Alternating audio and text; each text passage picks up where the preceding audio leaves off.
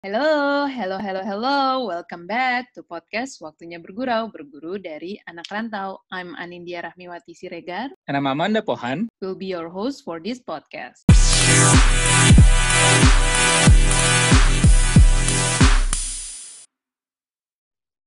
Halo, selamat datang kembali teman bergurau. Halo, halo. Halo, halo teman bergurau. Senang banget kita berdua bisa kembali lagi di episode terbaru dari podcast Waktunya Bergurau Season 3. Wow. Luar biasa ya, sekarang kita selalu datang kembali dengan episode-episode terbaru dengan bintang tamu-bintang tamu yang sangat menarik dari berbagai negara pastinya ya, Dak ya. Betul banget. Nah, jadi selain dari berbagai negara nih, kita juga akan menghadirkan topik-topik baru yang pastinya belum pernah kita bahas di episode sebelumnya. Kita selalu mencoba untuk kita hadirkan ke, untuk teman bergurau ya, Nat ya. Yoi. Nah, untuk episode kali ini nih, kita akan membahas satu profesi, di mana profesi ini tuh belum kita bahas di season 1 dan season 2, dan di mana ternyata buat dapetin profesi ini juga bisa loh kalian ke luar negeri gitu ya, Dak ya. Ya, setuju banget. Jadi ternyata memang untuk mendapatkan profesi ini tidak tidak melulu harus selalu di negara sendiri, nanti bisa juga di negara lain dan nanti ilmunya juga bisa kita terapin untuk membangun di negara kita sendiri ya, Nat ya. Iya. Nah, kayaknya teman bergerak udah makin penasaran nih ya. Kita langsung aja kasih tahu. Intinya adalah episode kali ini kita akan ngobrol dengan seorang dokter yang mana dari awal dia tuh ngambil uh, dokternya udah di luar negeri gitu. Lebih tepatnya tuh di Jerman, di Eropa. Penasaran kan? Yang penasaran dong pastinya. Kita akan ngajak ngobrol-ngobrol dokter yang ada di Jerman ini. Nanti kita akan tanya-tanya tentang perjuangannya dulu gimana sih waktu awal sekolah, mm-hmm. sampai akhirnya sekarang bekerja di Jerman, dan juga tentang kondisi pandemi di Jerman. Dan juga kita juga akan nanya nih tentang sama dokter tersebut, uh-uh. ada nggak sih pesan untuk teman-teman tenaga kesehatan kita yang ada di Indonesia? Kita akan banyak ngobrol sama dokter ini, Nat, pokoknya, Nat. Iya, gue udah gak sabar deh, Dak. Kalau gitu, langsung aja yuk kita perkenalkan bintang tamu kita. Ini dia, kita sambut Andina. Halo Andina, hai. Hai, hai Anin, hai Amanda. Baik-baik, apa kabar di Jakarta? Sehat. Baik, Alhamdulillah. Alhamdulillah, di sini juga sehat-sehat walaupun udah mulai kedinginan. oh, udah mulai dingin ya. udah inilah ya apa makin makin di sini makin kerasa apa tiap kalau udah mulai masuk musim gugur tuh kalau pagi-pagi tuh sakit-sakit uh, nelen aduh udah kayak makin rentak ternyata ini ya tiap hari tiap hari berhubungannya sama rumah sakit jadi berarti selama di Jerman ya Din ya jadi gue tuh sebenarnya udah keluar dari rumah sakit dari tahun 2015 Oke. Okay. Gue tuh uh, gue tuh company dokter jadi jadi uh, start uh, oh, profesi okay. gue tuh kayak uh, konsultan kesehatan tenaga kerja di perusahaan-perusahaan di okay. Jerman lah ya. Jadi gue di rumah sakit itu dari tahun 2011, ya 2000 hmm. akhir 2011 gitu sampai 2015. Sudah gitu terus sejak sejak 2015 gue uh, ngambil spesialisasi ini apa um, okupasi ke kesehatan okupasi kesehatan tenaga kerja gitu mm-hmm. dan jadi sejak lima tahun gue uh, apa ya corporate ke oh, kayak ya nggak kok ya corporate slave. kombinasi dokter dan corporate uh, person. Oke oke. Okay. kalau gitu langsung aja ya dak kita mulai episode ini. Siap. Kalau gitu teman bergurau ini dia episode podcast waktunya bergurau.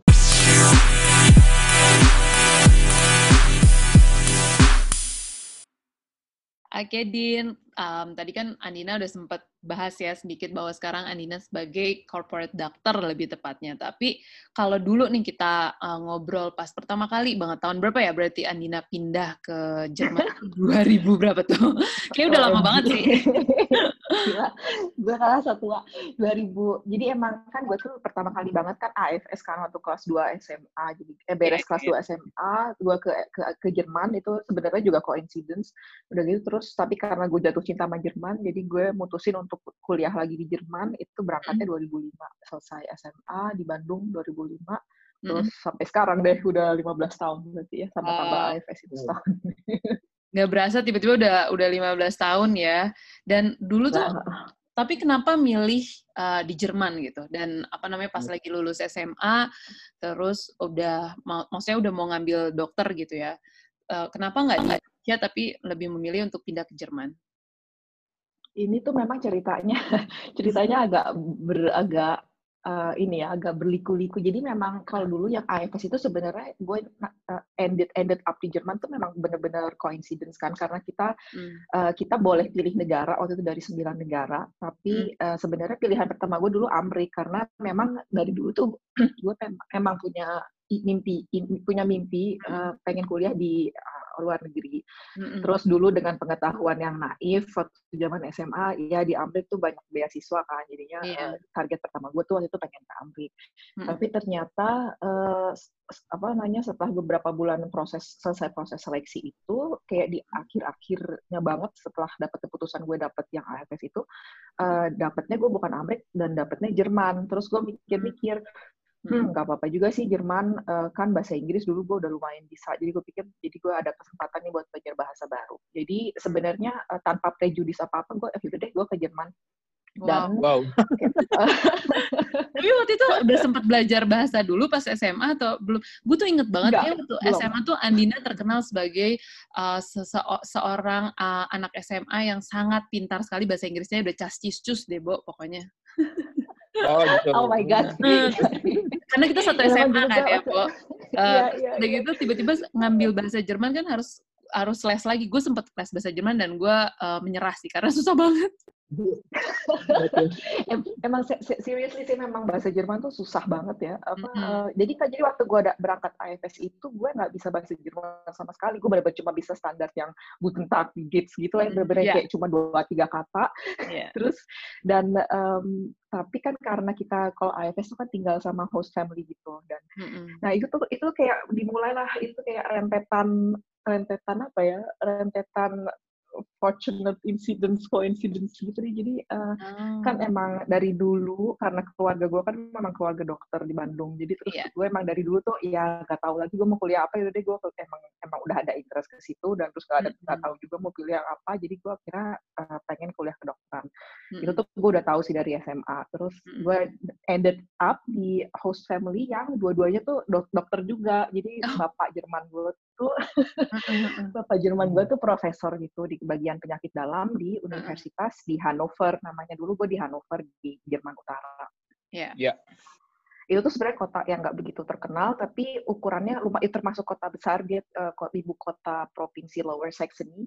Mm-hmm. Tapi cuk, jadi atau oh, jadi nggak terlalu terkenal memang uh, untuk apa orang-orang Indonesia yang datang bukan apa yang yang sebagai turis tuh itu bukan kota tujuan turis gitu. Mm-hmm. Tapi ternyata setelah beberapa uh, 10 bulan kan gue totalnya tinggal di situ buat AFS itu tuh gue ngerasa sangat nyaman banget di kota itu dan uh, jatuh cinta banget ya sama sistem pendidikannya. Gue waktu itu masuk kelas 11 Hmm. Um, dan gue jatuh cinta banget aja sama sistem pendidikannya, sama sama kota Hannover terutama gue tuh kayak kayak ngelihat ke Hannover tuh kayak Bandung dari hmm. apa ya atmosfernya buat gue kayak gak terlalu gede, oh, gak terlalu kecil, yeah. adem hmm. gitu, bisa pakai yeah. sepeda ke mana-mana.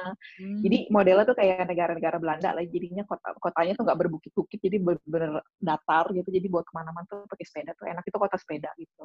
Hmm. Jadi nyaman lah ya, nyaman untuk nyaman ini ya. banget.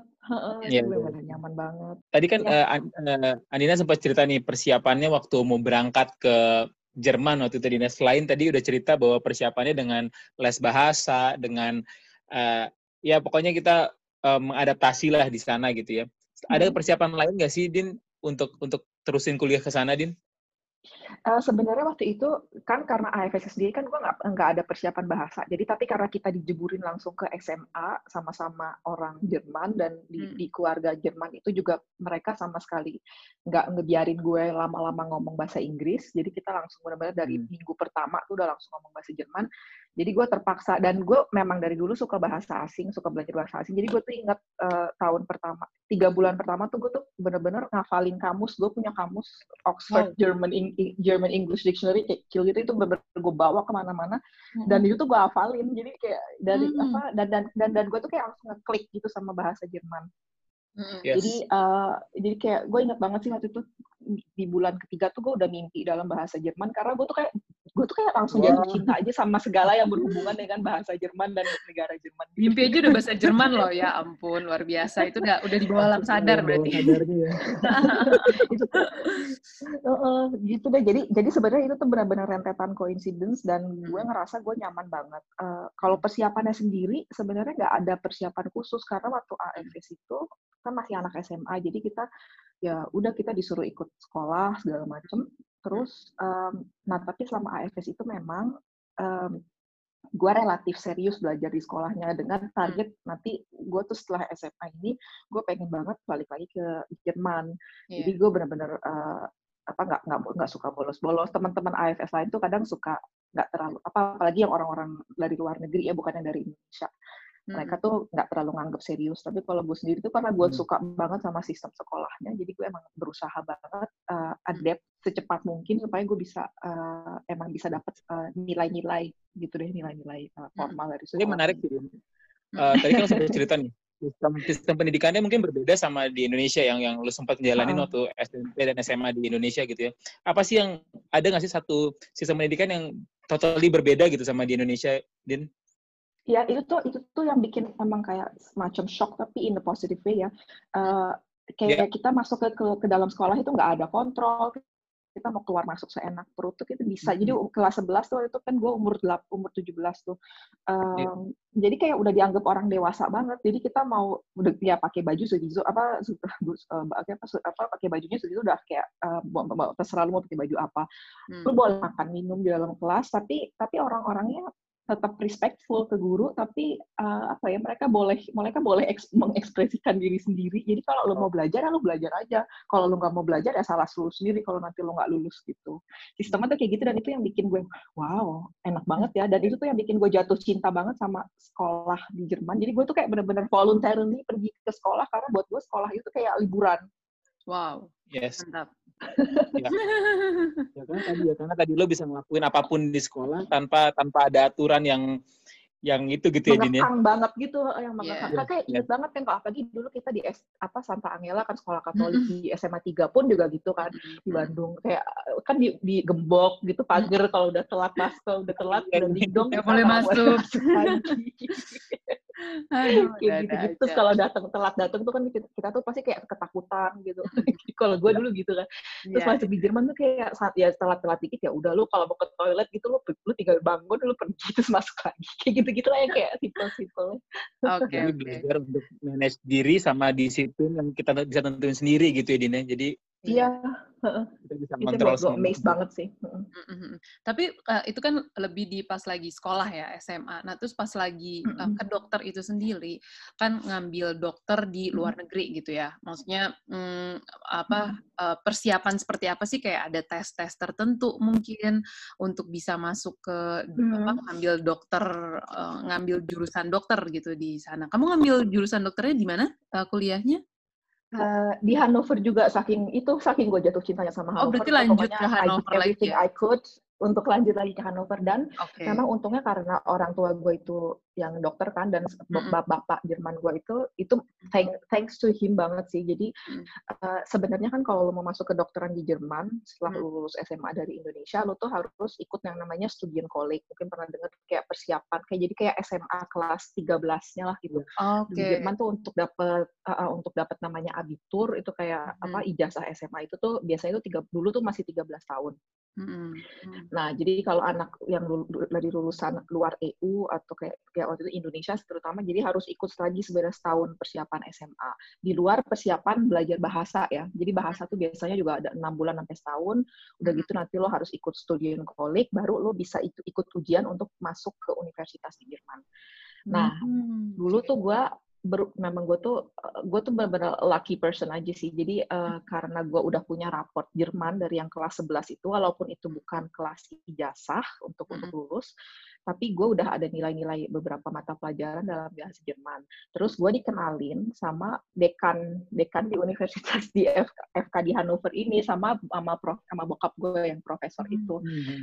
Karena dia tahu gue pengen sekolah kedokteran dan dia juga excited banget um, apa namanya ya gue kayak udah dianggap anak banget jadi gue dia bener-bener uh, mengakomodasi gue dan akhirnya gue tuh dikenalin sama dekan sebelum gue pulang ke Indonesia yang tahun kali pertama. Hmm. Nah, karena dekan itu udah kenal gue, dia udah ngewawancara gue, dia tahu gue udah bisa bahasa Jerman. Hmm. Terus, jadi waktu gue lulus SMA di Bandung, uh, gue uh, semua semua ijazah dan segala macam itu harus ditranslate, uh, terus uh, dikirim, gue kirim langsung ke uh, eh, FK di Hanover. Hmm. Kalau jalur normal biasanya tuh uh, semua ijazah dan segala perlengkapan itu harus dikirim ke suatu organisasi. Jadi nanti di sana lu ngirim, uh, lu bisa kayak bisa masukin beberapa pilihan FK yang lu mau. Hmm. Terus nanti mereka yang sortir, lu bisa dap, lu bisa bisa ikut ujian di FK yang mana sesuai tempat kapasitas lah ya. Yeah. Hmm. Nah kalau gue ini, gue ini agak-agak sistem pengecualian ada ada ada vitamin ada vitamin tambahannya ini dari hmm. karena karena keluarga Jerman gue ini beruntungnya itu jadi gue karena udah pernah AFS jadi gue tuh waktu itu pengecualian pengecualiannya gue nggak harus ikut yang persiapan studian kolek itu hmm. karena dianggap gue udah bahasa Jerman gue udah cukup lancar untuk ikut kedokteran yeah. jadi bener-bener gue cuma ngasih um, ijazah ijazah SMA gue yang dari Bandung di translate dan um, di, di dilegalisir sama inilah ya sama yeah. uh, oh sama apa sih sama departemen apa waktu itu departemen pendidikan kalau nggak salah dan yeah, juga yeah. ya uh, Botschaft apa embassy embassy hmm. Jerman yang di Jakarta. Dan terus habis itu uh, langsung keterima gitu di kedokteran Hanover itu. Uh, thank God, ya itu tuh di satu sisi gue langsung untuk masalah yang akademisnya penerimaan akademisnya gue nggak ada masalah sama sekali ke mm -hmm. Hanover langsung terima gue. Mm -hmm. Tapi uh, di satu sisi gue waktu itu dapat masalah visa. Gue nggak visa gue nggak keluar keluar uh, dan jadi waktu itu gue ikut SPMB jadi gue karena gue nggak tahu kan waktu itu uh, yang yang Jerman ini tuh agak masih yakin pergi apa enggak itu uh-huh. uh, gue masih tetap ikut SPMB jadi sama gue inget banget sih nenek gue dulu mewajibkan gue pokoknya gue harus lulus SPMB kalau gue mau pergi ke luar negeri. Ya, oh. Ya ada inilah ya, atau pokoknya jadi gue harus ikut SPMB. Jadi gue ikut hmm. SPMB dan gue dapat uh, masuk ke dokteran di Unpad. Jadi gue wow, jadi lo sebenarnya udah dapat backup juga nih, udah ada FK Unpad juga. Iya. Luar biasa. Iya.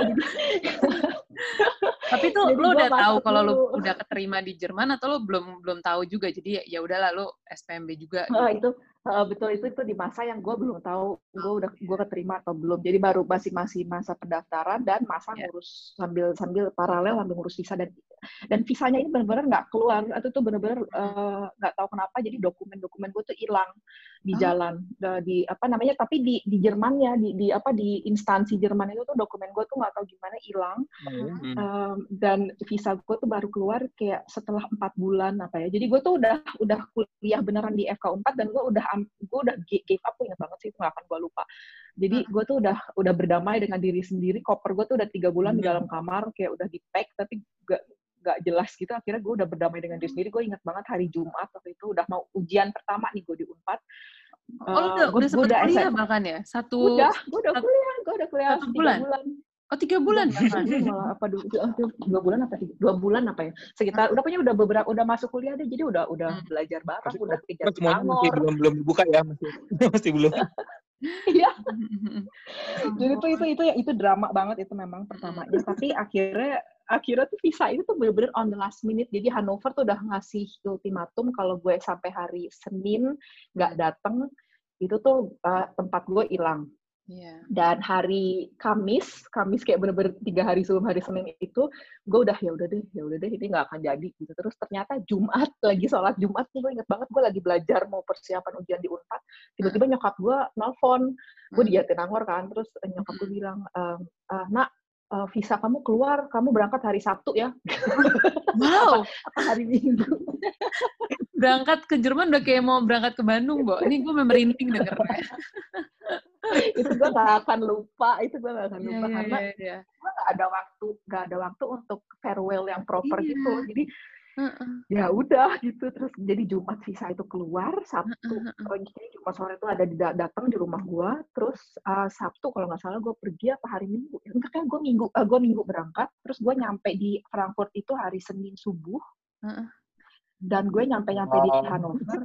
Itu itu itu udah kayak miracle. Jadi untungnya yeah. terus ada ini ada adik Jerman gue yang dari keluarga family apa AFS gue itu dia terus yang ngejemput gue dan dia nganter-nganterin gue untuk ngurus per, uh, asuransi. Kan jadi kalau untuk masuk admission itu lo harus punya asuransi lo harus ngurus ya ini dulu lah ya lo harus ngurus ke kantor kayak kecamatannya gitu. Mm-hmm. untung dia tuh waktu itu masih SMA tapi dia pas lagi libur jadi dia bisa nganter-nganterin gue gitu. Karena gue juga bahasa Jerman gue itu udah bisa cuma kayak baru masih hmm. belum on lagi kan jadi yeah. masih harus pemanasan dulu gitu. Terus kayak agak-agak lost gitu gara-gara tiga bulan udah di unpad ya.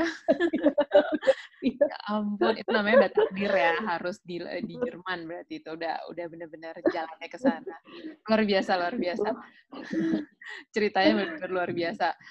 Itu tapi pas lagi lu pindah nih ya kan lu nyampe terus lu langsung ribet-ribet tuh kan ngurusin semuanya terus lu langsung kuliah gitu Iya, itu tuh bener-bener kayak lagi trends nih, kayak apa, Amanda. Jadi tuh kayak kayak gue nggak masih belum bangun dari mimpi uh, dan hari Senin itu tuh udah langsung ada hari penerimaan mahasiswa baru terus ada welcoming party kayak gitu-gitu tuh. Welcoming partinya tuh gue inget banget jam 10 malam mulainya. Ya kan di sini kan kalau party-party ya party-party kayak yang yang gue juga nggak kenal karena gue di Bandung bukan anak party gitu kan bukan anak-anak kayak gitu tuh anak cupu. Terus gue tuh udah gue inget banget gue udah ketiduran gitu saking gue capek nggak gitu yeah. itu sama adik adik gue tuh gue dibangunin Dina Dina ayo uh, aku anterin yuk pasti dia dia udah seneng kesenangan gitu mau mau pesta dia bisa dia dia senang dia bisa ikutan pesta ke universitas. Jadi dia semangat gitu nganter gue. Terus uh, gue gue inget banget sih gue datang ke party itu kayak oh my god kok gue cupu banget ya gue pakaian gue tuh yang juga nggak nggak nggak modis. Terus anak walaupun anak-anak Jerman uh, mungkin sama nggak tahu ya kalau di Belanda tapi kalau di Jerman tuh kan anak orang-orangnya nggak terlalu modis kan jadi ya. Yeah. ya lu party ya datangnya pakai jeans sama t-shirt dong juga udah cukup gitu. Hmm.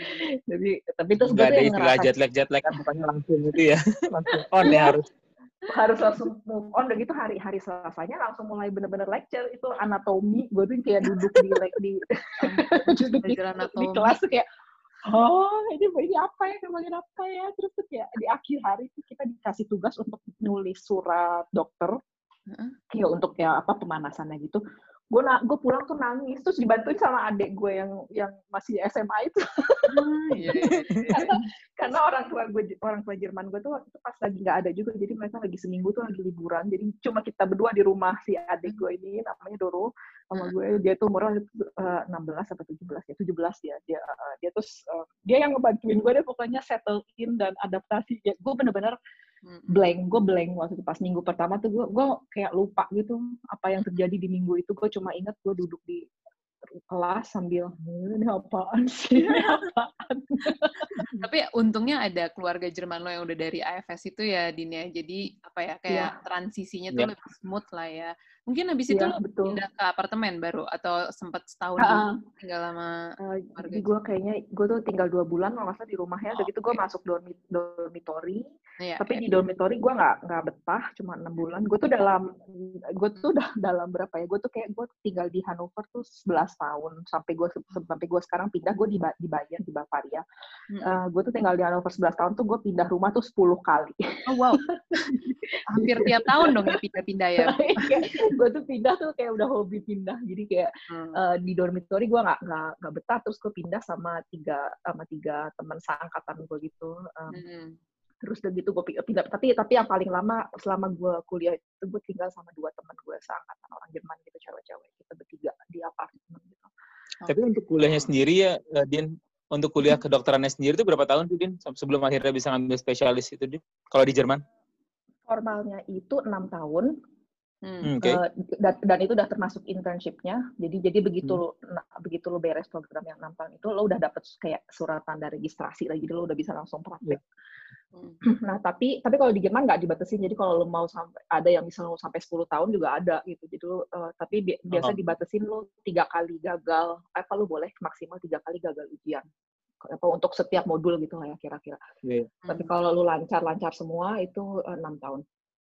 Oh. Jadi enam tahun lu uh, langsung ngambil si spesialis tadi yang lu cerita sempat cerita tadi kan lu sempat uh, di itu ya buat spesialis buat tenaga kerja tadi ya.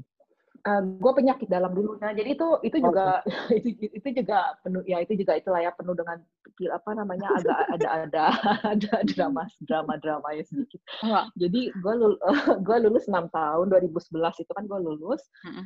Terus um, tapi sampai sebelum lulus itu gue gue juga paralel ngerjain yang dokter itu jadi kalau di Jerman tuh juga ada kes, ada ke, ke, keistimewaan kuliah kedokteran di Jerman tuh ada dua kalau menurut gue Mm-hmm. Jadi uh, lu tuh fleksibel banget, lu mau lulus kapan terserah lu. Mm. Uh, udah gitu, lu bisa uh, paralel uh, ngambil uh, titel doktor. Jadi kalau lu lulus dok kedokteran di Jerman, lu tuh nggak nggak ada title, lu nggak even nggak ada title dokter yang pakai huruf kecil gitu tuh nggak ada. Yeah. Jadi oh. nah jadi bener-bener lu cuma nama udah gitu tulisannya arts atau Erstin ya, atau artinya itu dokter gitu. Tapi nggak nggak pakai titel apa apa, cuma bener-bener nama. Nah yeah. kalau lu pengen punya titel doktor med, doktor med jadi kayak ini tuh ada ya mungkin bisa dibilang semacam ya gelar doktor. Nah, itu tuh itu tuh bukan kewajiban, tapi uh, mungkin kira-kira 30% dokter di Jerman lah yang ngambil 30-40% dokter Jerman tuh ngambil gelar doktor ini. Ini tuh untuk kalau lu pengen uh, maju secara akademis. Hmm, Jadi untuk yeah. kayak apa science untuk lebih ke scientificnya lah ya. Yeah. Nah itu uh, itu tuh gue kerjain dari gue kuliah tahun ketiga jadi 2008 Nah, itu tuh gue lima tahun kerjain. Tapi gue mulainya paralel dengan kuliah kedokteran gue. Gitu. Okay, okay. Nah, uh, terus udah gitu uh, yang ke ke apa namanya ke nomor duanya tadi gue bilang nggak kelazimannya itu uh, lo bisa spesialisasi terserah lo jadi kayak nggak ngebeda banget sama di Indonesia kalau di Indonesia kan university based lo harus daftar lagi harus ujian segala macam lagi yeah. untuk mulai satu program spesialisasi kalau mm -hmm. di Jerman, ada ujian masuk lagi ya kalau di Indonesia ya Uh, kalau di Indonesia ada ujian masuk, kalau di Jerman tuh hospital based. Jadi uh, lo bisa daftar ke, lo kayak daftar kerja. Jadi lo boleh hmm. daftar ke ratusan tempat praktek atau rumah sakit, hmm. terus uh, langsung mulai di situ. Nanti lo dengan mandiri lo ngisi uh, buku namanya kayak buku katalognya gitulah ya. Nanti setelah hmm. lo kalau setelah lo udah me, apa mencap mencukupi misalnya lima tahun atau enam tahun tergantung programnya terus begitu udah melakukan semua isi yang harus lo kerjain lo yeah. bisa daftar ujian dengan persetujuan bos lo gitu oh wow oke okay. nah, tapi berarti si spesialisnya itu uh, hospital based dan kamu waktu itu milih hospitalnya di Hanover juga buat ngambil penyakit dalam itu Nah, jadi tuh gue kan karena ini tuh sebenarnya jadi karena gue udah waktu yang gue paralel ngambil program dokter ini, gue tuh hmm. uh, kerja di bagian patologi. Gue ini apa banyak research uh, tentang transplantasi ginjal oh, uh, di okay. patologi. Nah, jadi karena karena gue udah uh, dan dan gue tuh udah sering berhubungan sama ginjal-ginjal gitu mm -hmm. transplantasi. Jadi mm -hmm. begitu gue lulus dokter atau gue masih internship waktu gue lulus tuh gue udah ditawarin untuk nerusin spesialisasi di bagian bagian ginjal hipertensi yang transplantasi ginjal di Hanover itu sama sama bosnya. Hmm. Dan jadi gue tuh uh, ya alhamdulillah nggak harus repot-repot daftar-daftar, jadi mereka benar-benar langsung ambil alih gue. Uh, tapi waktu itu memang juga ada masalahnya sedikit juga bukan karena soal pendaftarannya, tapi lebih ke arah perizinan kerjanya itu tuh yang repot banget waktu waktu pas lagi gue inget banget sebelum mulai gue kerja di bagian hiper, ginjal hipertensi ini mm. kalau di Jerman apalagi untuk kalau untuk lu mas lu, lu pengen kerja di kota-kota besar terus rumah sakit besar gitu yang mm. yang yang lumayan ternama itu mm. tuh sebagai orang asing lu nggak nggak semudah itu bisa dapet posisi di situ mm. karena karena inilah ya kayak mungkin kayak di Australia di Singapura mereka melindungi warga negaranya sendiri dulu yes. sama warga negara EU-nya. Kalau sebenarnya kalau kekhawatiran kit gue itu alhamdulillahnya angkatan pertama sebagai dokter asing. Dokter asing itu kan kalau yang kuliah ke dokter di Jerman sendiri juga sedikit ya. Kuotanya tuh um, waktu itu pas gue kayak 150 orang di angkatan tuh orang asingnya mungkin kayak cuma sekitar tiga persen. Waktu itu uh, sebelum angkatan gue itu tuh benar-benar orang asing kalau lulus kedokteran di Jerman lo nggak langsung dapat surat STR untuk praktek di di Jerman seumur hidup. Jadi kalau di Jerman tuh begitu lulus kedokteran, kalau untuk orang Jerman lo dapat surat izin dok, surat izin praktek itu untuk seumur hidup yang berlaku seumur hidup. Kalau untuk orang asing dulu tuh enggak, dulu tuh kayak tiap dua tahun harus lo perpanjang kalau uh, lo punya posisi kerja. Nah, tapi alhamdulillahnya pas angkatan gue lulus itu tuh angkatan pertama yang orang asing pun bisa langsung dapat surat izin kerja permanen. Wow. Nah, jadi sebenarnya waktu itu uh, kekhawatiran gue nggak begitu banyak karena uh, surat kerja ini gue udah ada, cuma mungkin kalau orang asing uh, kekhawatirannya mungkin ini bisa nggak ya gue dapat kerja di tempat yang emang gue pengen. Uh, saat ini uh, aktif sebagai dokter hmm. dari sebuah perusahaan hmm. gitu Din. Ya. Menarik menariknya apa sih Din untuk si profesi itu sekarang Din? Mungkin kan kita kan udah tahu ya kalau profesi dokter hmm. ya udah seperti biasa lah ya kerja di rumah sakit buka praktek dan lain-lain gitu ya. Tapi kalau untuk dedicate for company itu ceritanya serunya gimana sih, Din? Ya ini ini memang beda banget beda banget profesinya sama profesi dokter uh, in general dokter klasik ya. Jadi uh, waktu itu tuh jadi memang karena gue tuh empat tahun di penyakit dalam udah gitu terus gue ngerasain uh, buat family life tuh uh, sangat unfriendly banget. Jadi terus gue, gue mulai mikir-mikir nih apa ya yang kira-kira uh, cocok untuk work life balance dan uh, dari dulu gue memang suka uh, apa ya kayak suka sedikit ke arah uh, manajemen terus dan gitu juga gue suka uh, kayak ngomong-ngomong sama orang banyak gitu-gitu terus ya. hmm. dan apa dan juga lebih pengen menginternasional sebenarnya pengen jalan-jalan gitu-gitu terus jadinya akhirnya setelah uh, gue dulu juga nggak ada bayangan sama sekali pengen ke arah company dokter ini sebenarnya karena uh, life situation saja sih terus hmm. uh, gue keluar dari gue berkeluarga gitu ya mungkin ya itu uh, dan pertama apa, ya? uh, dan dan personal matter juga gue kecapean banget gitu terus oh, uh, suami gue kan juga soalnya di univ dokter juga kan di universitas yeah. dia berkarir berkarir akademis hmm. dan kita tuh nggak pernah ketemu jadi kita tuh kayak berapa dua tahun nikah hmm. tuh kayak kita ketemu tuh gue inget banget waktu sama-sama masih di Hannover kita cuma hmm. sepedaan tuh jam misalnya jam 12 malam gue gue hmm. selesai di selesai jaga terus kita berdua tuh naik naik sepeda melintasi hutan sampai pulang ke rumah itu kayak waktu waktu quality kita gitu ya. terus besok paginya besok paginya kita kerja lagi walaupun untungnya suami gue kan patolog ya jadi dulu kan gue kan sempat banyak banyak research di patologi juga jadi yeah. gue banyak lumayan ada kontaknya tapi ya apa namanya di, di, di prof, sebagai di sisi profesionalismenya tapi kalau kayak quality time sebagai keluarga itu nggak ada gitu.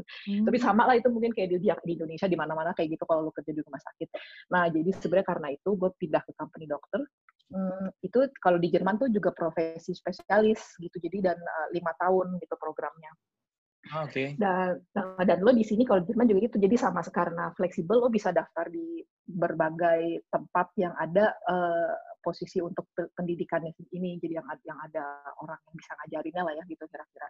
Dan gue jadi daftar di perusahaan yang namanya uh, TÜV Rheinland.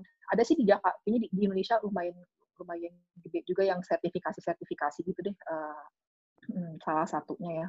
Mm-hmm. mungkin kalian pernah dengar. Jadi gue di situ sejak lima tahun memang dan uh, jadi tuh lebih kayak profesi prevensi sih ya. Jadinya gue nggak nggak menangani pasien, gue nggak menangani penyakit, tapi gue lebih kayak uh, di satu sisi gue kayak family doctor, gue dokter yang uh, apa namanya, uh, gue menangani berbagai macam perusahaan, jadi orang-orang staffnya itu bisa datang ke praktek gue, terus gue bisa meriksa, gue, gue bikin check up kayak gitu-gitu. Tapi di satu sisi uh, kayak jadi uh, setengah-setengah tuh 50% gue tuh kayak jadi dokter, 50% tuh gue lebih kayak manager gitu ya, jadi ya, jadi project based, jadi gue jadi gue handle klien-klien um, di, di, di daerah di provinsi Bayern sini mm -hmm. uh, sama di beberapa yang perusahaan Eropa gitu dan gue bikin kayak program-program kesehatannya gitulah ya mungkin kalau kalau dalam bahasa Indonesia jadi Berarti sekarang program. udah udah berapa tahun tuh lo menjalani corporate doctor ini? Uh, lima tahun sekarang gue udah.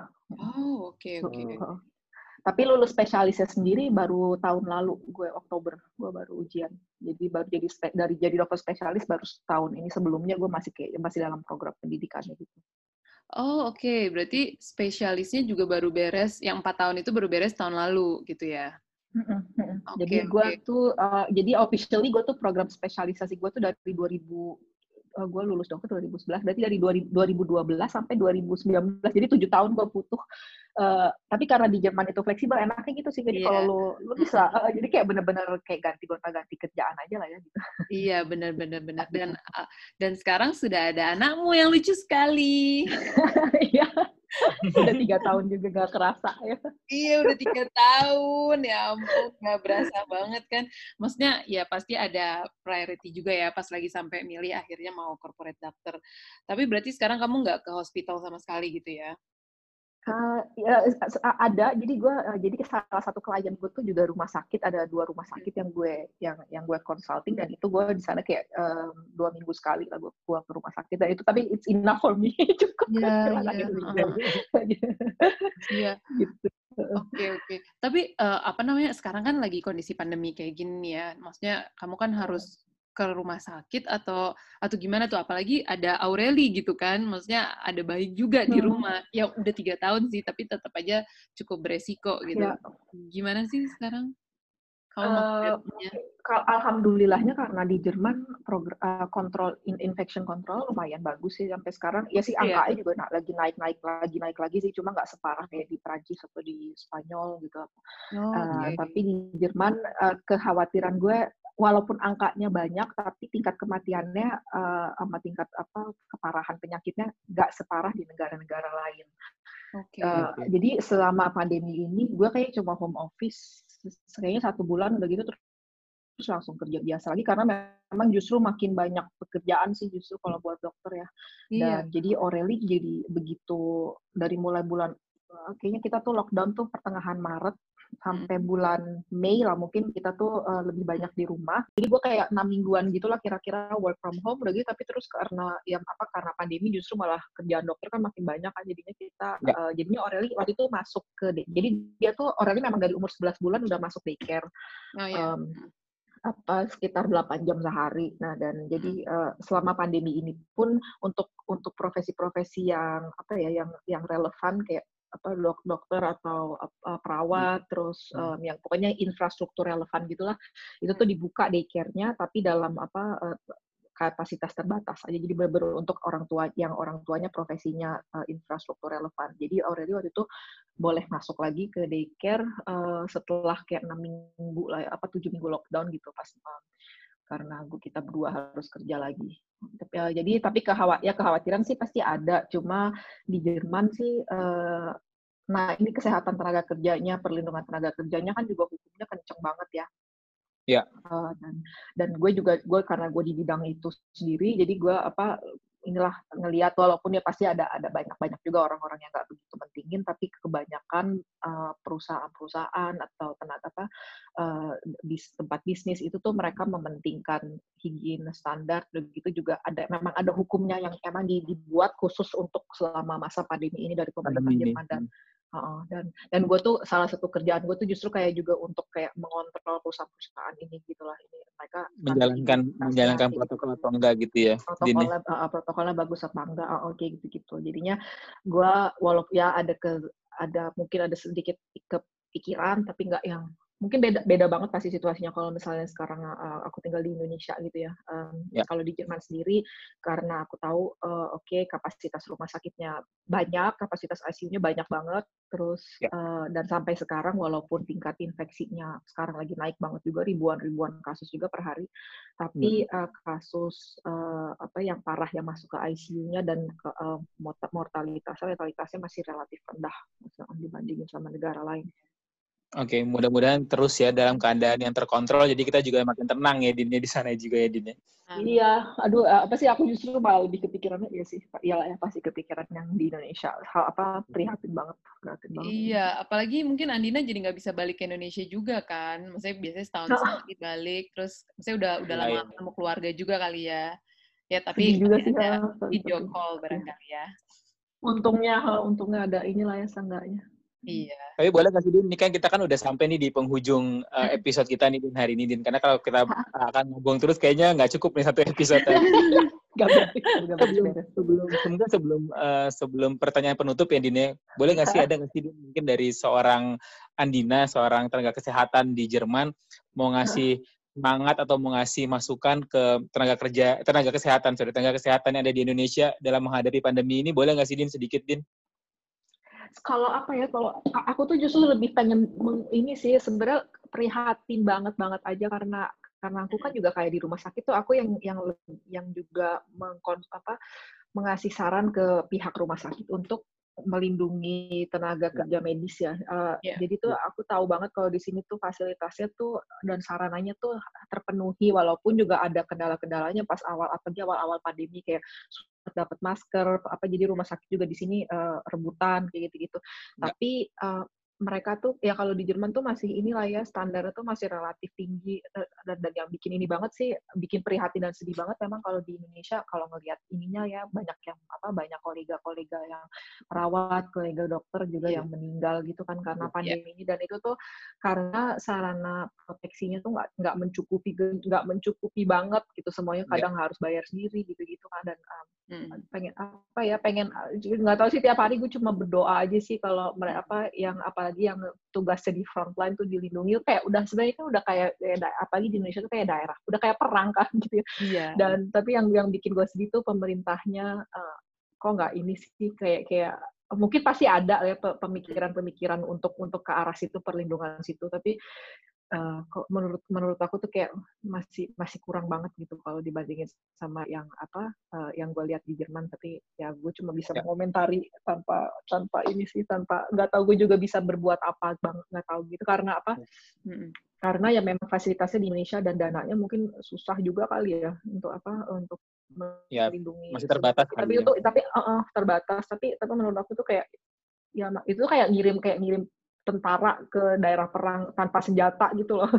Kadang ya. kalau ngelihat kalau aku bandingin sama yang di Jerman tuh walaupun di sini juga ada, sempat ada terbatas juga kayak di sini penggunaan masker juga dibatasin kalau biasa biasanya memang standar higienitas tuh kan kalau kayak masker per pasien tuh ganti sekali buang sekali buang gitu kan tapi kalau selama selama corona selama corona pun di sini juga dibatasin kayak bener-bener satu masker per hari tapi kalau di Indonesia mungkin lebih lebih parah lagi dibatasinnya kali ya satu masker nggak tahu buat berapa hari gitu. Iya.